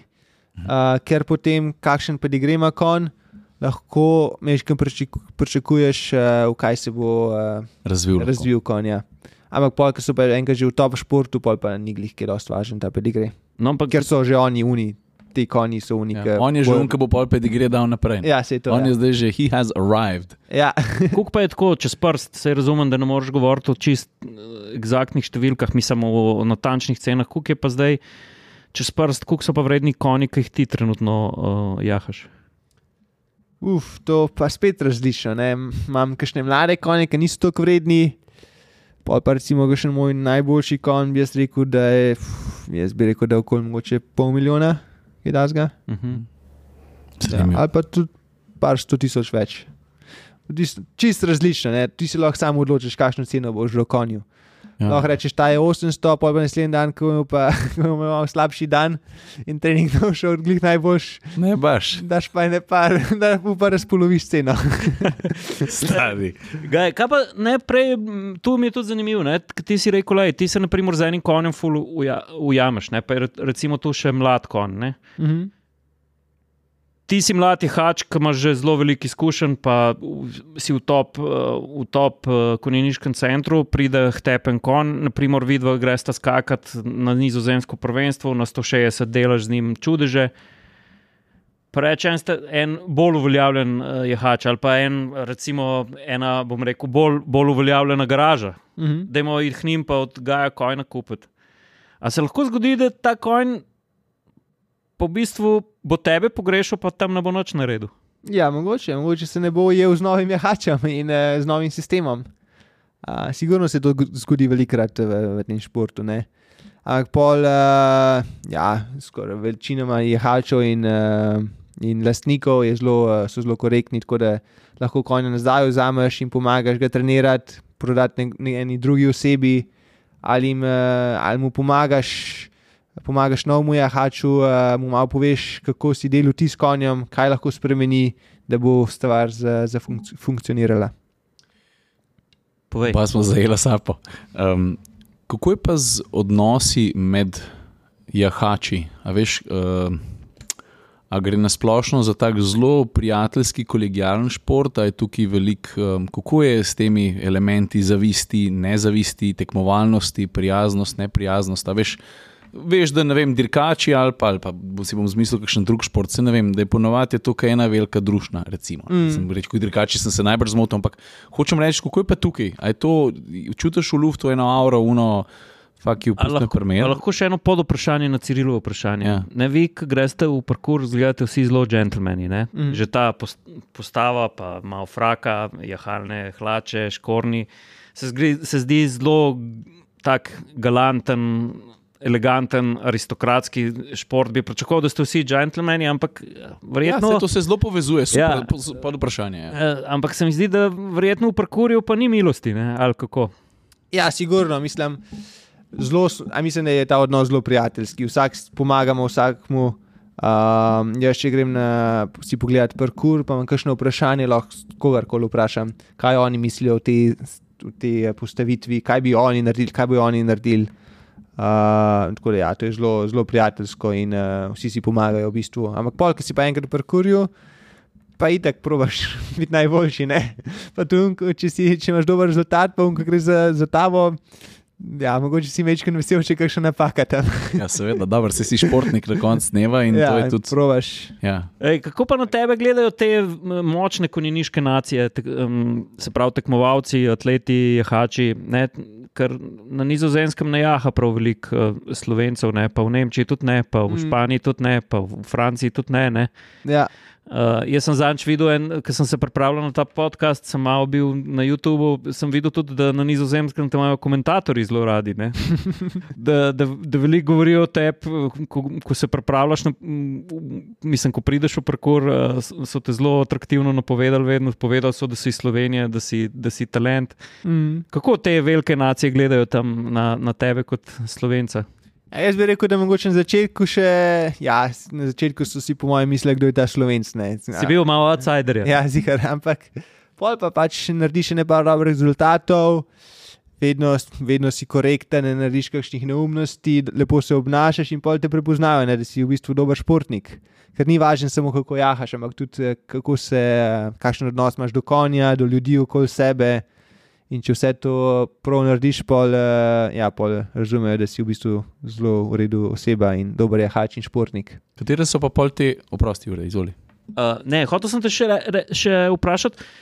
A pol, naprimer, ker Slovenija je pa v športu prepoznana, ne, tudi v tujini, ne, bi praktično vsi, ki šport spremljajo, vse smo fenomeni iz te, iz te mehke države, toliko enih uh, olimpijskih odličij, toliko uh, svetovnih, uh, svetovnih uh, prvakov in tako naprej. A to se ti zdi, da ti je pa pomagalo, to, da si ta, bom rekel, športna prepoznavnost uh, Slovenije nasploh, ali je bilo to v konjeništvu čisto nov začetek zate? Po mojem, da je Kojniško bolj, bolj nov začetek, ampak ja, sigurno pa poznajo veliko slovenskih športnikov, uh, vsi govorijo skozi Rogliču, Pogačarju, Dončić. Ja. Sploh na nizozemskem. Ja, sploh, ja Roglič, to vsi vse poznajo. Ja. Kje pa so te um, rekel, vele sile po državah v konjeništvu? Kaj je to Velika Britanija, Nemčija, Nizozemska? Mm -hmm. uh, po mojem, najbolj močne države so. Nemčija, Nizozemska, Britanija, Belgija, Švedska. Kaj pa v stran Atlantika, Amerika? Amerika, ja, Kanada, tudi kar močni, mogoče trenutno ne najboljši, ampak imajo um, tu zelo dobre hače, tudi Brazilci so v redu. Ja. Ej, a je kakšen, ki je tako ki je pa totalni outsider v smislu, da je iz Belize v letu. Pa. A, veš, a, a imamo kakšnega, ki je pa iz čist X države, da bi rekel, ko si ne mislil, da je en jahač prehaja, pa ne vem, nam zdaj rekel Turkmenistan, ampak nekaj, ki bi rekel, hm. Mm, mislim, da ne. Se pa zgodi, da čas, ki še ne hač za mene državo, Čakaj, ni en Brazilc jahal za Slovenijo? Ne, Argentinc. Argentinc, ja. Ja, pa to mojte, ampak njegova mama je bila, mislim, je bila mama Slovenka ali pa babica. Ampak on je Grand Prix zmagal v Rimu, ne? On, on je zmagal Hamburg Derby. A to je tudi eden. To je, to je zelo, zelo velika stvar. Točno, pa to. Čakaj, ja, slovensko pato. državo jahal. Ja, ja. ja, ja. Njegova, mislim, ja, mislim, da je mama Slovenka celo. Drugače pa je iz Argentine. Iz Argentine. Cool. Ja, živi pa v Nemčiji. Ej, a se lahko premaknemo do Tornaka, prosim, jaz, kako to zgleda, da je Jure ti malo opiš, ti si imel več stika s tem. Jaz, jaz sem en, um, mene je Max enkrat poklical, ko so tudi oni um, um, v Ribnici, pa tudi kasneje, ko ste šli na nizozemsko. on je vedel, da, da, je, da jaz pokrivam avtomobile in me je enkrat Max pokličen in govoče je rekel: tebe Na posestvu Ugar. Ja, tebe ena zgodba zanima. Ne? Pa jaz, ja, lahko, ne, Sam ne vem, kaj, bi, kaj bom dal na Siola avtomoto, tako prav, ko ni niškega. Prav, mama, jaz nekaj zate. Ne. Prav, a, a, a greš z mano na nizozemsko, mi gremo iskat kamion. Ne. Pa skašen kamion. Pa on pravi, ja, tak, vrhunski kamion, ne. tak je odspred avtodom. Uh, Odzad se pa kojne voz, ne pa sem si mislil, čaj, kako zdaj je avtodom, pa kojni. Vsaka misel, ki vidi te uh, kamione za prevoz živih živali ne, na avtocesti, ki pelejo putke, pa prašiče, pa konje, pa krave. Ne. Čeprav so, moramo priznati, tudi ti kamioni blazno napredovali. In jaz rečem, ja, jaz grem, grem, grem s tabo, me zanima ta zgodba in prideva mi dva gorne. In to je bil en najnovejši MAN podvozje, ne. pa pa v prvem delu avtodom s pop-up dnevno sobo, odzad konjske, konjski boksi, ampak tako vse iz Rosfreja, posebna guma, da konjem ne drži. In, da, in, in blazno, mislim, jaz sem bil takrat čist fasciniran. Ne? In to so res kamioni nadgrajeni na. Po najjačih standardih. Ne, tudi kar se tiče voznega obdobja, kar se tiče obdobja za jahače, se pravi, bivalna nadgradnja in konjska nadgradnja. No, ampak zdaj, ki sem bil pa na nizozemskem, uh, sem, sem, sem pa seveda uh, Gaja prosil, tudi če lahko vidim ta konjniški center Konjaha, ki je res, res na nivoju pač take top športne ekipe, kaj s tem. Jaz mislim, da nič ne rečem na robe, če, če, če rečemo, da je uh, konjniški center Hendrix tako tak na nizozemskem, tako kot naprimer pogon Barcelone v, v, v Barceloni. Uh mhm. -huh. veš, tak nivo. Ja. In jaz se vrpelem tam, ga je nam zrihtel obisk, takrat seveda, v krog kosila, ki ni bil on v trenažnem procesu ne, in se tam, tam vrpelem jaz uh, z uh, Robeto avtodom ne, in -hmm. prvo, ko zavijem na posestvo, krasno urejeno, vidim uh, rolo vseeno tovornjak ne, na podvozi od Volvota, ampak to da tovornjak. Prav to podjetje velja pa za Royce Royce uh, med konjskimi turnjaki. Ampak zdaj pa, ker gajne, gaj pa, ki svoje kojne naloži, ne, jehači, po večini so tudi vozniki teh kamionov. Ne.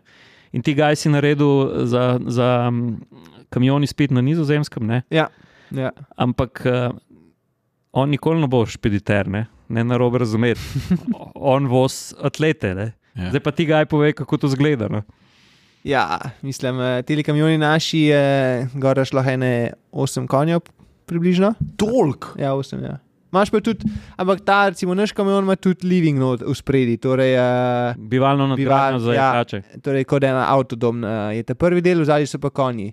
Pa imaš pa tudi take kamione, ki nimajo bivalnega dela, te nešlo pa tudi ene, ene 12 konjev not. Kako ima pa kapaciteto za, za koliko ljudi lahko prespil recimo, v takšnem, s katerim vi vozite? Ja, v tem našem kamionu lahko štirje spijo, uh -huh. uh, ali pa tri je bil. Ampak drugače imaš tudi kamione, ki je pa v bistvu lahko imaš tudi kamion, ki je 80% avtodom, pa samo 20% za konje, da imaš samo tri konje v zadnji. Uh -huh. uh, Pomaž pa pop-up, pop-out, vse se to odpre na vse strani. In, to, uh, to, veš, to, da, se, da se bodo poslušalci uh, poslušali, ne? ti pritisneš, pa bog ven zleže, ne? se dnevna soba. Imaš ti še kakšne fotke drugače? Ja, bomo prepeli, imam tudi od, od tega tovornjaka, tega Volvota, ki ga, ga voz uh, gajne. Uh -huh. uh, Ker, ker je res beštija. Pa tudi ta konjski del. On, on, ti ga imaš tam tudi kamero, da pogledaš nazaj, kako se konji počutijo med ja, vožnjo. Vse kamere, pol, uh, čez noč jim pržgemo, ali imaš ugasne luči, če misliš, da bojo bolj počivali, ali jim daš pa recimo modre luči v zadnji, v končnem delu, zato da nimajo glih. Te svetlih, belih luči v skozi uh, njihove oči. A si predstavljaš? Pa in... ventilatorji in uh, ja, vse. Pa še tako to zgleda, veš, to vsak, bo, vsak kon ima svoj box v svojem, ker, ker če je bivalni del za, za jehače, je v zadnji bivalni del za konje, to ni hec. Ne? Ampak bolj me zanima, kaj imaš pa treme, ne? ker če te naložijo, recimo, kako si rekel, vašmo, ko imamo 8 konj. Ja. Pa da, pa da rečemo, ajde, da so mladi konji, pa da je vsak tam po četrt milijona. Mm -hmm. Prvič, voziš svoje prijatelje, tako kot si rekel, drugič ti prijatelji imajo zelo drag potni list. Ja. uh, kakšno je pa treba to voziti? Povej, kakšna je tehnika vožnje? Ker to si predstavljam, če voziš take športnike, ti na rdeči luči najbrž ne moreš, uh, retarder pa bremzo na full pa ustavljati. Pa bremzo. Ne, moraš biti, ja, moraš biti zelo previden, že prej moraš biti pred semafori, moraš paziti, da, da ne prideš prehitro, če se slučajno rdeča luč požge, da si dovolj zgoden, zgoden z bremzanjem. Ja, ker če preveč zabrinzaš, oni tam stojijo v zadnji. Vsi imajo tiste uh, pregrade. Pregrade. ne. Ja, tako se lahko malo naslonijo gor, ampak vseeno moraš biti zelo previden. Da, Kaj na prsten koš se naslonja? ne, ne, v bistvu na stran stojijo. Aha, ja, ne razumem. Ja, stojijo tako naravnost v smeri vožnje, ampak po stran. O, pametno. S celim telesom Ja. so v bistvu naslonjeni. Ja. Sam, samo vseeno, a veš, ti ne moreš, tu ni, bo- bom rekel, ja, sej, če bi verjetno, če bi reševal situacijo na cesti, zaveranje v sili, bi to Ja, ja, pač mogel pač- narediti, ampak ja. ja. narediš vse, da se temu izogneš. Ja, verjetno, se ne. to je. Ja. A smo tremo, ki si prvič pel konje tako? ja, v bistvu jaz, ki sem naredil izpit za avto že. Zdaj ne bo neki hecenga prišlo. Ne, že drugi dan, takoj, ko sem bil izpit, so me že takoj poslali na kliniko z, z dvema konjema. Sem ne svedu. Tam je bil, uh, tisto je bil uh, kamion za dva konja, torej ga lahko voziš z izpitom za avto. Uh, in potem sem se tam ene tri ure vozil, spet po Nemčiji na kliniko. Ampak ja, so mi zaupali. Ne, vedeli, so, da- Imaš izpit ali nimaš? Imaš. Okay. Tako, sam sem dobil izpit, sem že šel. Ej, jaz imam en totalno butasto vprašanje, ampak ga moram iz sebe dati. ne. Smo te konji so natrenirani, vejo vse živo. Mhm. A lahko vplivaš na njega, tako tudi kdaj, da ne bo glih na najbolj, najmanj neprimernem času se posral. Ali lahko kontroliraš to na kakršen koli način? Ne. Okay, Pa ne, ampak imam pa konje, ker recimo preden začnem z, z preskakovanjem noter v maneži uh, na tekmovanju, Ja. ja. začutim, da hočeš strati in pa recimo se lahko ustaviš in daš roko v zrak in uh, ti dajo čas, da se kon pač poserje, da smer. lažje, ja, da lažje preskače parkour. A si videl? Ne, Ej, neumnih ker- vprašanj. Ker če Prvič, ker prvič ni neumnih vprašanj, drugič pa veš, jaz to skozi govorim. Ne? Ti tudi paziš, da ne moreš članka dol pisati, če si na pet stari. A ti- A ti ima, a a ve- a ne, hotel sem ti drugo stvar povedati. ne. Tu, a veš, ko vse govorimo o živalih samo v nagonu. Ne? Ja. Jaz še danes trdim, da ni tako. Ne? Veš, ni nagon, ker ker v naravi konj nima parkurja, ima en svoj parkur, takrat, ko se hoče malo postaviti. Pa to, ne? Ja. A veš, si, si že kdaj videl divje konje v naravi, si videl? Nisi. Ja, sem. Si. No, Na vidiš. poti skozi Sibirijo. No, Kaj? No, no, evo. Ampak Malo severno od Kazahstana. ja, Pa v Bosni je en del, ki je full. Um, zdaj le se ne spomnim imena, ampak ja, tam ne v hribu so. ne? ja, je full divjih konj. Plus na Havajih sem jih videl. ja? Ja, na Havajih, na The Big Divje. Island, je, ja, je, pazi zdaj, na The Big Island je ena taka kotanja, ena taka dolina, do katere lahko prideš samo z SUV vozilom, sansko zgleda, spodaj je pa črn pesek, ta milka iz vulkanske, uh -huh. eh, vulkanskega peska. In po tej dolini, to je kot da bi en si izmislil. Je tako, bom rekel, zaprta je, tam na, konc, na začetku slab dol teče, ti jo gledaš pod sabo, pa pa, ki si enkrat spodaj, je kot da si na, fil, na filmski kulisi in že naprej je opozorjeno, da po tej dolini že zelo dolg časa pač je nek trop divjih konjev. Uh -huh. Um, in to je to. Tako da jaz sem jih tam videl, pa ko smo se vozili čez Sibirijo, vsi oni, ki so bili z mano v avtu, so rekli, da to niso divji konji, ampak to so bili, večkrat smo videli trop konj, ki niso bili z ničimer omejeni in so pač maširali prosto. Uh, ali je bilo to na, veš, tam Kazahstan, to je že stepa. Ja, ja, To ja. so, mislim, to ni, ni nobenih pašnikov, ni, ni- niso bili na noben način označeni, ali karkoli. To so si jih videl Ja, ja, 10, saj so 20, divji 30, konj. po gozdu si videl in jaz sem si mislil, da to more biti divji konj. Ne vem pa zdaj, kakšne pasme tam so, to bo morda kakšen strokovnjak, ki se pa na to še bolj spozna vedel. a- Absolutno so, pa se je v Mongoliji tudi. Ne, kam, ja, ja, veš, tam ta- so oni mongolski konji. Tam so oni Saj, to je že mongolski. stari, to je že ta becirk, veš. Tam se že začne ta. No, ampak žurka. tu sem hotel reči, veš, apropo nagona, pa eh, tem, ne, da pač ljudje imamo značaj, živali imajo nagon. Ne. Ja. A Vidiš, ta njegov kon. On, gre, on, on ve, da ga čaka tekma, mogoče je mačka nervozen, pa reče: le, Jaz bom tu v stresu, da me tam ne bo noč uveralo. Ne? Mogoče ga malo sedo špona, pa mu pol. A Veš, ne? Ja, bo zrihto boljš. Ampak dej se razmisli. ne. Ja. Ja, ja, A Veš, ni, ni tu kar neki, ne? Veš, tu sem hotel reči. No? ja. No, ok, dobro. Ej, pa veš, kam je to dobro? Ne? Meni je bilo, meni je bilo blazno všeč. Z Gajem smo se veliko, tudi ko sem bil pri njih pogovarjal, da največ o konjih, malo tudi v avtih, ne, pa tako, ampak uh, Ga ima res veliko konjskih stvari na telefonu, ne? te YouTube pa tu vlada. In, uh, zdaj, zdaj naj. Si zvenel zelo strne, ki si rekel, ga je vlada te YouTube, ne gre on na internet, pa pogleda, ko je vse imajo in je kar vsak dan je drugo. Ti nekaj doleščino uponašati, ker sem pol dolenc. Ja, vem, sem zveniš pa ken dolenski rus.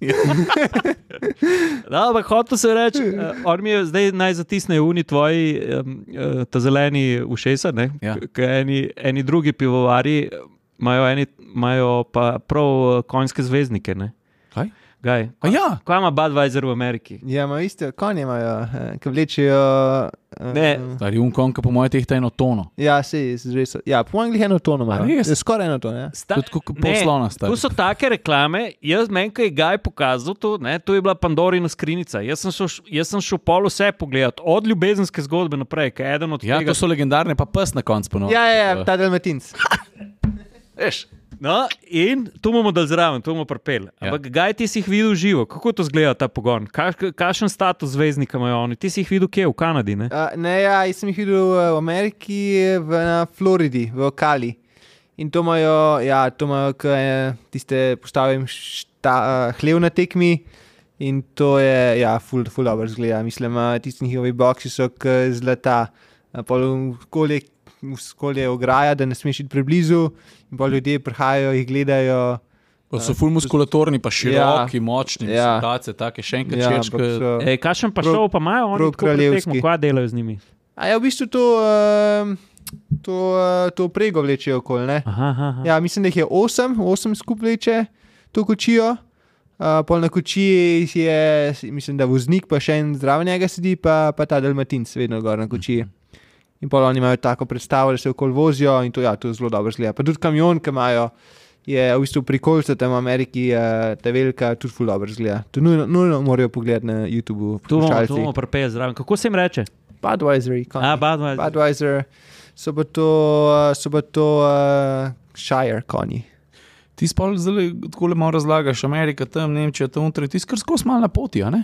Ja, skozi na poti, v bistvu. Koliko dni na leto te ni doma v tvoji posli? Mm, mislim, da skoraj več, kot takrat, ko sem doma, ja. ja. Tako da, če že imam kakšen vikend freva, sem doma, sem prav vesel. Hej, um, jaz bi pa zdaj en zasuk naredil. Kaj pa avtja, si, si jih porajtaš, kaj se ti všeč? Ja, sem jim všeč, ampak nisem pa fulno. Ne bi bil fan. Ne, ne imam, rad, imam rad dober avto. Okay. Ja, kaj pa ti, kaj pa recimo, če bi se rekel, da mi pove en dober avto, ki se ti zdi ustreza, ali pa niti nujno, da si ga že pel. Nekaj, ne. kar smatraš pod dober avto, pa ti je všeč. Deva ga tako vprašati. Kaj? Kojno mora imeti njegov avto, da je dober avto. Enega v prikolci, za začetek. Enega v prikolci. ja. Ne, drugače pa en, ki mi je všeč, ki bi ga imel, je Porsche Panamera. Uh mhm. -huh. Tam je tako, v redu, bi, bi, bi ga imel. Leži dober avto, imaš ja. kaj. Čakaj, na primeru gre tudi kluka. Ja, Sto procentno. Ne, gre. Sicer je bolj kajen za v konjeniških uh, službah. Ne? Ja, se načudga, se lahko imaš trliš iz poprečja. Ja, čeprav pa namero bi šla, sigurno. Ja. Ej, skrbiš za svoje. Ja, prosto povem. Drugač, ker prej smo se v kamionih pogovarjali, veš kaj pa najboljš. Ker se voziš recimo na kakšno, ja, kam daleč v Španijo, v Kitajsko, pa so polni dolgi klanci, ki grejo gor, pa pa vsi ti vlačilci eh, natovoreni te prikolče čist do konca. Ja, se samo, poče ja, samo počasnijo, ko grejo gor, ti jih pa sam prehtiš. No, ja, eh, za te naše kamione, park 8 konj, ki gremo gor, ne. Ja. Je lightweight kamion, ne? Ja, mislim, če daš na tempomat 85, 90, karkoli. Uh, ja, ki pride v klan, ga noč ne obremeni. Ostali grejo vsi vedno počasneje, na koncu 50 na uro, ki ga počasi premikajo, ti pa sam. Kot da če se boste po dolgih avtocestnih klancih s kakšnimi počitniškimi prekolcami vozili, da ne boste podcenjevali na kamione, ki piše gor, kaj je equestrian. Ja, vedno horses, različne barve. Tisti letijo. Ja. Uh, Klele gledam, če imam še kaj napisan, tazga, ker sem neč, talent, smo govorili, delo, karakter. Um. Ne, malo še neki, ne. Dej, dej, dej, seveda. Glede na to, ja, veš kaj sem ti hotel reči, Ciril, vse to sem napako, jaz včasih delo, pa me je en star urednik enkrat uh, popravil. Ker nervozen rado, pa. Ja, zavoj, zavoj, zavoj imaš trudel, cesta ima pa vink, ne. Uh, pa parkour ima tudi vinke, ne. Uh mhm. -huh. Ampak uh, glede na to, ne, da sem preden, preden to, to vprašanje. Dokončam, zdaj sem se spomnil. Ej, kaj pa ta ale? Um, en najbolj atraktivnih športov znotraj konjeništva je, upregane. Ja. Vožnja vpreg. Uh Mhm. -huh. A to si ga spremljal, kdaj je živo? A ti všeč to? Ja, ja, to mi je tudi všeč v bistvu. A ti si videl to, Ciril? Ne. To je reali s kojni. Ja? Kuk je posadka, dva, ne? Uh, ja, odvisno, ne, imaš različne oprege, ampak gor jih je, mislim, da en, dva, tri, š- tri, je, mislim, tri ali pa štiri, nisem siguren. Na, uh, se pravi, uh, šofer na. Šofer, v bistvu mislim, da so tri, ja, šofer pa dva v zadnji. In pa se na vsakem, v vinku zavajo, karkoli, se nagibajo noter, da se ne prevrnejo. Ne. Huh. Modeli podriftajo. No? Kuk, je pa, Ja. kuk pa kojno to vleče? To je pa. Štiri ali pa štiri, ja, mislim, da štiri ponovadi. Zanimivo, Pač različne, ne, ampak štiri je, unot, so te pravi. Pač. Aha. Tu Ja, moramo, ja, tu moramo mi atmosferci enkrat za enim terencem narediti, stari proti derko. Proti, kad, kad, to, to moramo propeti zraven. Ker to zgleda, a veš kako to zgleda? To je, to je noro. Ja, Ne torej, sem že ne vem, kdaj videl. Če bi eh, ena uprega, pa avto tekmovala noter v maneži, pa če Ja. narediš parkour, ne vem, kdo bi bil hitrejši. Ker oni se res, res driftajo, pa se morajo tako nagniti na stran, da skoraj dol padejo, oni ki visijo v zadnji, ampak drugače prevrnejo. Tisto, tisto je res hodovno. Nekaj še hotel vprašati. Čakaj, kaj sem že hotel? Zdaj sem pa pozabil. Parkourju, zavoji. Aha, aha. Eh, ker pač Gaj ima to naštudirano, ne? po- po- povprečju 12 za prek, pa še ti, ki postavijo na postavijo to, da gre 1, 2, 3, 4, 5, ampak ti moraš uh, usmice, ovo, ono, tretjo. Uh -huh. Bej, ti ful dober v kartingu. a? ja, To ti je pomagalo, kaj pri pr parkurju, koncentracija ali kaj, ali ni povezave. Ali, ali zgoraj iskanju izloč- Idealne linije, a veš. ja, idealne linije. A- a Se ti zdi, da ti je to pomagalo, ali si to čisto za zabavo vozil? Ne vem, če mi je pomagalo, ampak je pa zelo za zabavo. Ja. Tudi eh, s prijatelji, ostalimi jehači, gremo velikrat eh, voziti, pa malo dirkamo. Mhm. In tudi rad, vmes med sabo stavimo, jaz sem ponovadi kar zato, da stavimo, ker mi gre ponovadi kar v redu. Ja, ja, lahko, lahko, tam. Najboljše, če gremo s kakšnimi, ki ja, ne gremo vsak dan, ki ne vejo. Um, ja, a smo mi, kva smo pri Ne, koncu, ne, bomo še, še kaj avto bomo obdelali. Ne? Daj. Ja, a ta zadnje vprašanje? ne še ta zadnji. Eno, vprašanje. zato vprašam. Ja. E, kaj se ti pa zdi, da je, kaj pa se ti zdi, da je znamka, ki je, ki jo, eh, ki jo največkrat vidiš v, v, na teh velikih tekmah? A so kakšne znamke, ki stopajo, da jih ljudje, ki imajo konje, da, da jih večkrat imajo, ali pa ne vem, je to Mercedes, je Ja, po mojem, da imajo mm, kar radi Mercedes, bi jaz rekel. Mercedes, ja. v Evropi, Ja, a pa do zun tudi. ja bolj v Evropi. Ne. Mhm. Ja. Pol eh, v Ameriki pa ne vem, kaj imajo ti jehači večinoma. Kaj pa lastniki kon? Pa tudi, pa majčkem, majčkem boljši Mercedes. pol. Ej, kaj pa, kako pa zgleda dieta enega tvojega dirkalnega kojna? Konji jejo uh, ene trikrat na dan, uh, tudi štirikrat včasih, torej zjutraj hranimo okoli sedmih, uh, dobijo seno in različne musle. Uh, pač tam vsak konj ima svojo dieto. Ne? Eni rabijo mečken več energije, eni imajo manj, eni imajo dieto, ki je v redu za, za trebuh, če imajo kakšne probleme s, tre, s prebavo. Uh, pol imajo pa tudi dodatke, imajo pa različne dodatke, kot kakšen magnezij, pol vitamine različne, uh, elektrolite, vse to, milijon dodatkov imaš. E, pa je za pr- konja. Pri skakovanju za prek pomembno razmerje, uh, mišična masa, velikost, o, ta, te stvari. Je, je, ta zgradba je verjetno je problem, če, se, če je konj tudi premočan, pa pretežek. Ja, vedno jih pravimo, da so pač v kakšni idealni formi, ne? da niso predebeli, da niso presuhi. Konji, ki veliko potujejo po tekmah, so včasih lahko tudi v stresu, tako da malo shujšajo.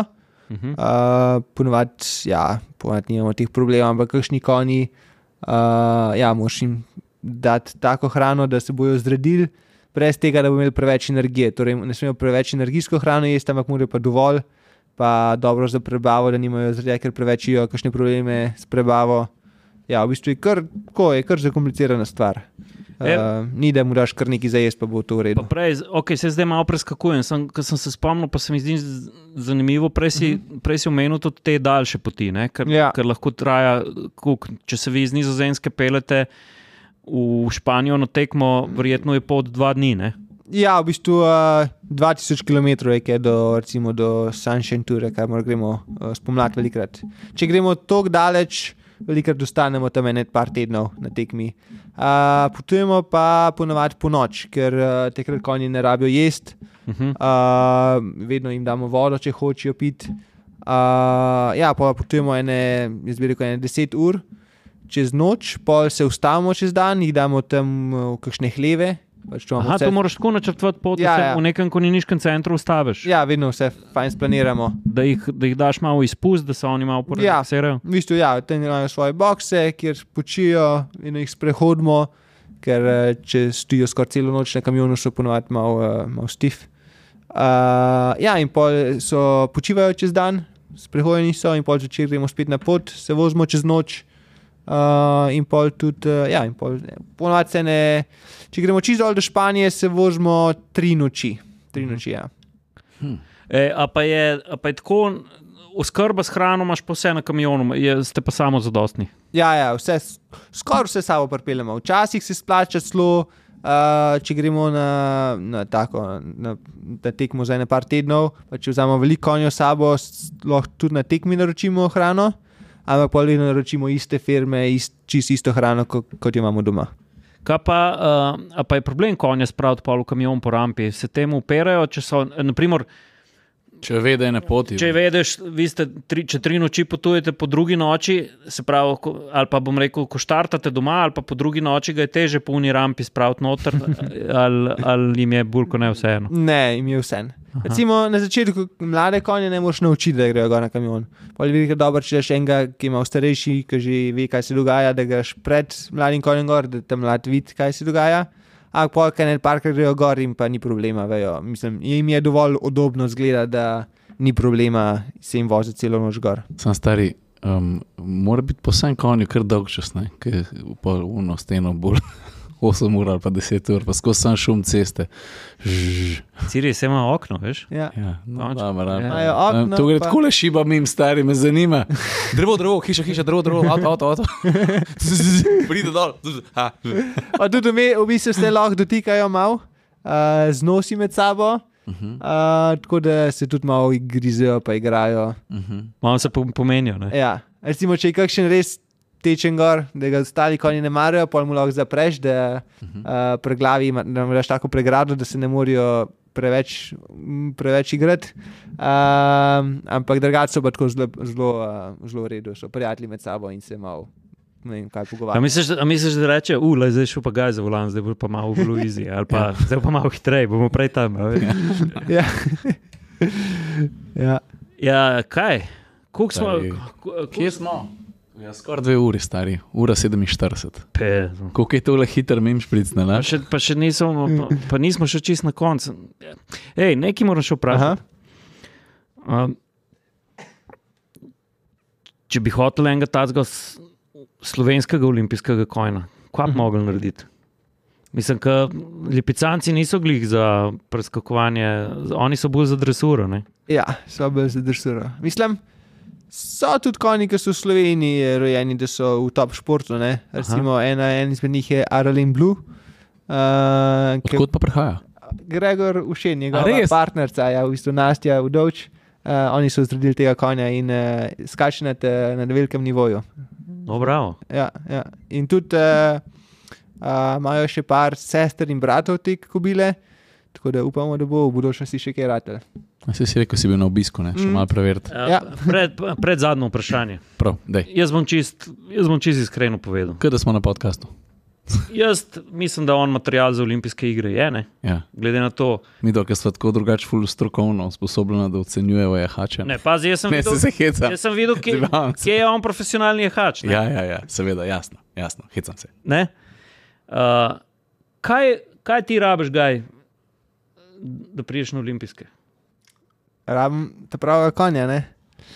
Uh, ja, in zato pa pol, eh, recimo, vsi dobri jehači imajo tudi lastnike, investitorje, ki vlagajo te konje in jih kupijo, in pol, uh, pol čakajo, da se da prijo ta pravi rezultati, in pol se na koncu ti konji prodajo. Ne? Torej, uh, ja, To je orang posel, hočeš. je ne? posel, ja. se da zaslužiti dobro. Ampak, če bi, bil, če bi jaz, naprimer, zdaj zadev loto, Eurojackpot, pa potegnem 90 mil, mm -hmm.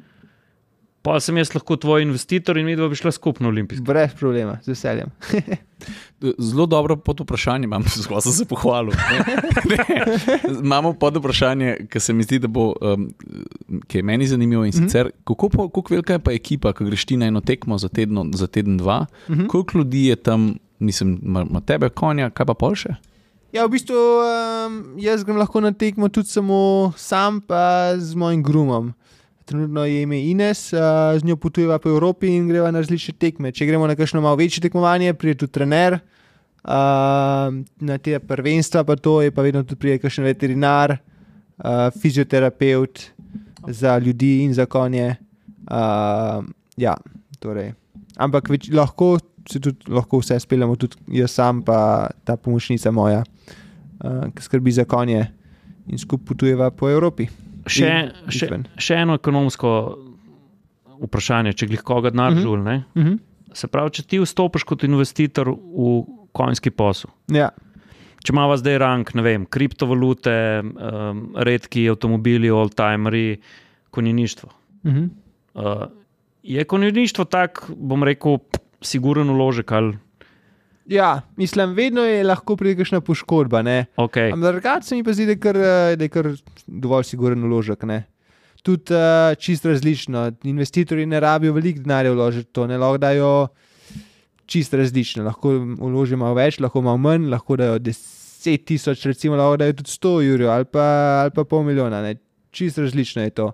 Ampak drugače mi zdi pa kar dovolj, uh, dovolj siguren uh, vložek v to. Vsaj sklepam po. E, to pomeni, če boste direktorja atmosfercu enkrat poslovno tako uspešna, da bomo mi lahko napraskali 5 ur za svojo konjsko moč, se nam pa splača vložiti. Ja, kaj ne veš? Ja.